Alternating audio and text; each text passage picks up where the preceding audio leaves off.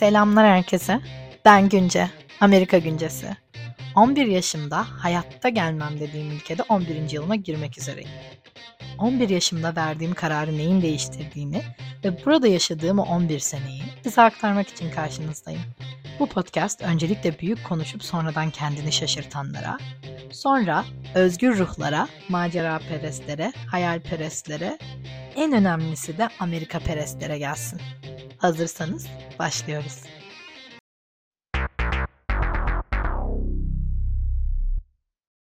Ucuz mikrofonum ve ben yine karşınızdayız.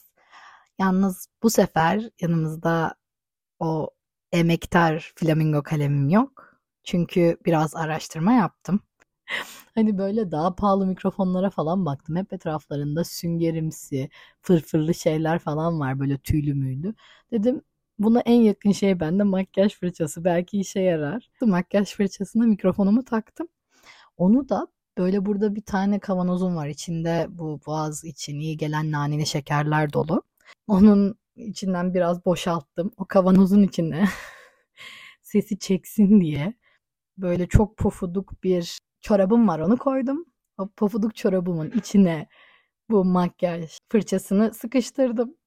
Ve bu da onun üstünde. Yani anlayacağınız profesyonelim diyebilir miyiz? Diyebiliriz. Bence artık çok ciddi bir podcast olduğunu buradan anlayabilirsiniz. Çünkü sadece bir kalem değil, ciddi ciddi ses izolasyonlu bir sistemim var. Ama tabii bu işlerden çok daha iyi anlayanlarınız vardır. Lütfen bana yazın. Instagram'dan veya e-mailden bana ulaşabilirsiniz. Yani zaten bu işten anlıyorsanız buraya kadar dinlediğinizi bile düşünmüyorum ama hani beni sevdiğinizden ya da kalbinizin güzelliğinden beni buraya kadar dinlediyseniz bana lütfen haber verin. Gerçekten öğrenmeye her şekilde açığım.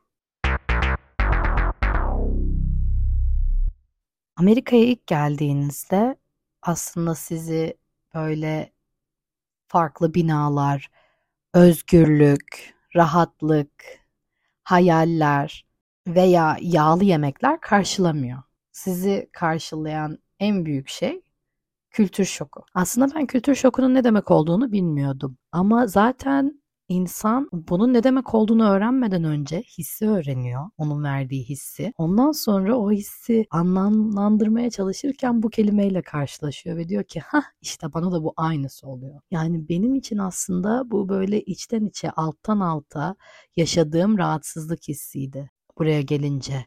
Yani benim karşı tarafı anlamamam, karşı tarafın beni anlamaması ve bundan çıkan rahatsızlık aslında. İnsan kendi kültürüne de belki şok alabilir.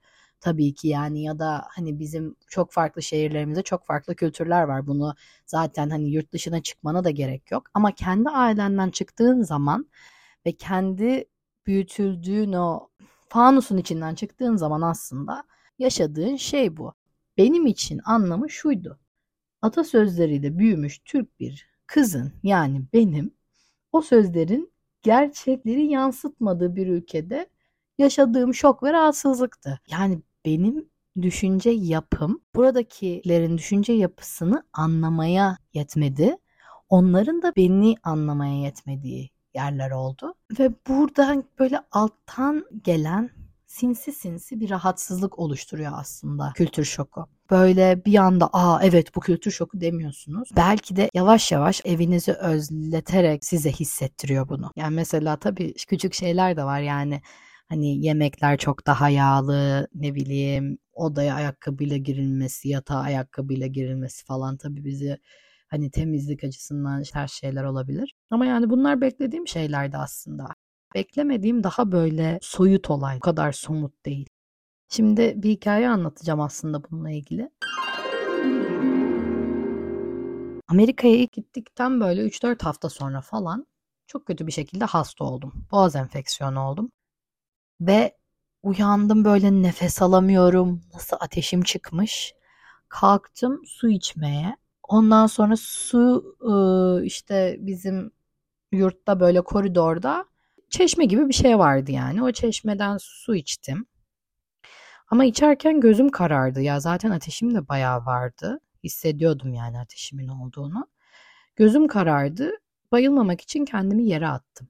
Benim de neyse ki yanımda telefon vardı. Bir tane arkadaşımı aradım hemen.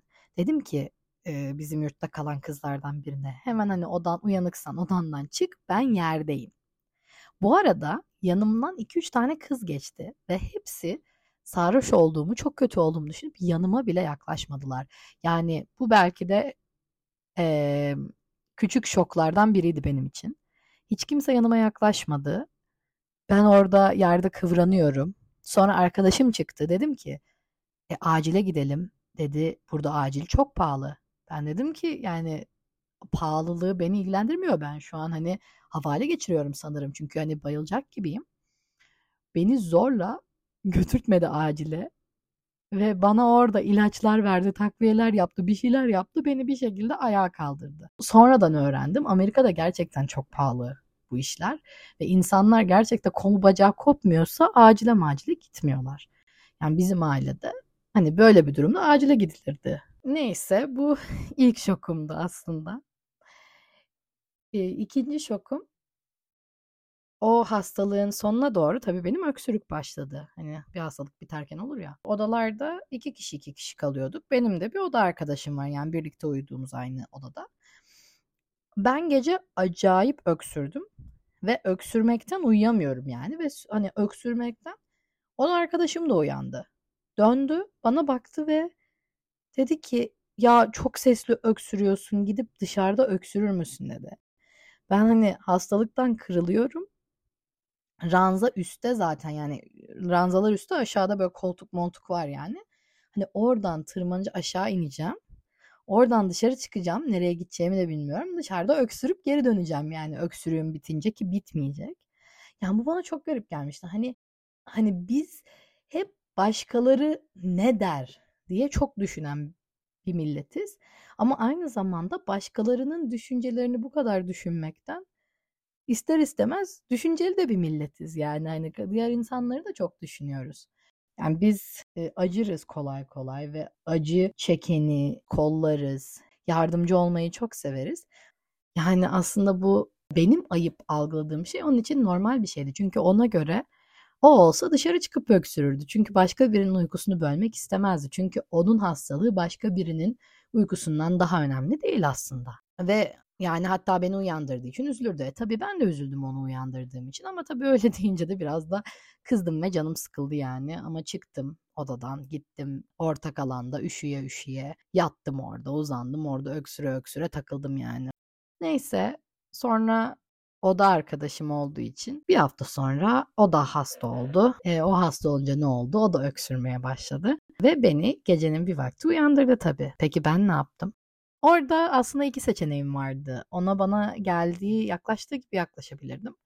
Ya da ona aslında bizim kültürümüzün avantajı olan bir şey öğretebilirdim. De, özür diledi benden. Dedim özür dileme hastasın. Gittim ona su aldım getirdim.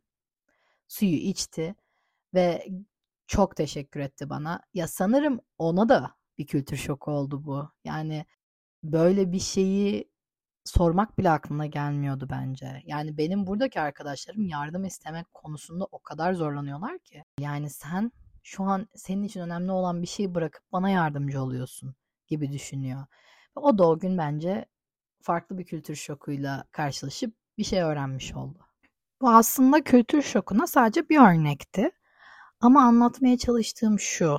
Böyle değişiklikler insanı şaşırtabiliyor ve belli zaman sonra aslında siz de alışıyorsunuz buna ve belki ülkenize döndüğünüzde farklı bir kültür şoku yaşıyorsunuz. Siz yokken tabii ki de ülke değişiyor, insanlar değişiyor ve kendi düşünce yapınız da çok değişiyor. Ve başka yerleri gördükçe oralardan da iyi şeyler alıyorsunuz ve kendi belki ülkenizde, kültürünüzün bazı negatif taraflarını da görebiliyorsunuz bu sayede. Ben artık Türkiye'ye gidince en büyük kültür şoku yaşadığım yer bir yerde sırada bekleme. Sıraya giriyorsunuz. Biri önünüze atlıyor, arkadan biri diyor ne kadar daha bekleyeceğiz yani herkes bir sabırsız, herkes sırada ve herkes kendi zamanının daha önemli olduğunu bir şekilde gösteriyor. Mesela burada hiç öyle bir şey yok. Sıraya girerler insanlar kesinlikle ve kesinlikle sırayı hiçbir zaman bozmazlar. Ne birinin önüne atlarlar ne bir şey. Hiçbir zaman of ne kadar sürdü daha bekleyecek miyiz gibi tatsız şeyler olmaz. Olursa da zaten o insanlara garip bakılıyor. Yani hani bu normal değil. Bu norm değil burada. Herkes acayip sabırlı bu konuda ki bazen ben şey oluyorum niye bu kadar sabırlı herkes Nasıl bizim çok insanları düşünmemizin negatif tarafı varsa burada da insanlar bazen haklarını aramıyorlar bu nedenle. Veya haklarını arayanlara kötü gözle bakılıyor. Hani senin zamanın da değerli ama diğerlerinden değerli değil. O çizgiyi iyi ayarlamak gerek. Yani aslında biraz ondan biraz bundan ala ala böyle kendini geliştirmek için çok fazla fırsat oluyor. Yani toparlamak gerekirse bu bölümde biraz size kültür şokundan bahsetmek istedim. Çünkü bence en önemli yaşadığınız şeylerden biri oluyor başka bir yere gittiğinizde. O yüzden tabii bu konuyla ilgili çok daha fazla örneğim var ama kısa kesmeyi seviyorum bu podcast'te. Ve eğer bu konuda konuşmak istediğiniz, sormak istediğiniz şeyler varsa bana e, amerikagüncesi.gmail.com'dan veya Amerika Güncesi Podcast hesabımdan Instagram'da ulaşabilirsiniz. Ben e, mutlulukla bu soruları sizin için yanıtlarım veya birlikte konuşabiliriz. Yani demem o ki aslında kültür şoku isminin içinde şok olmasına rağmen kötü bir şey değil. Aksine iyi bir şey. Bizi geliştiren bir şey ve kesinlikle herkesin yaşaması gereken bir şey. Hayatta daha iyi diğerlerini anlamak ve daha iyi bir insan olabilmek için. Böylece bunu deyip kapatıyorum bu bölümü. Ben Günce, Amerika Güncesi. Beni dinlediğiniz için teşekkür ederim. Haftaya görüşmek üzere. Hoşçakalın.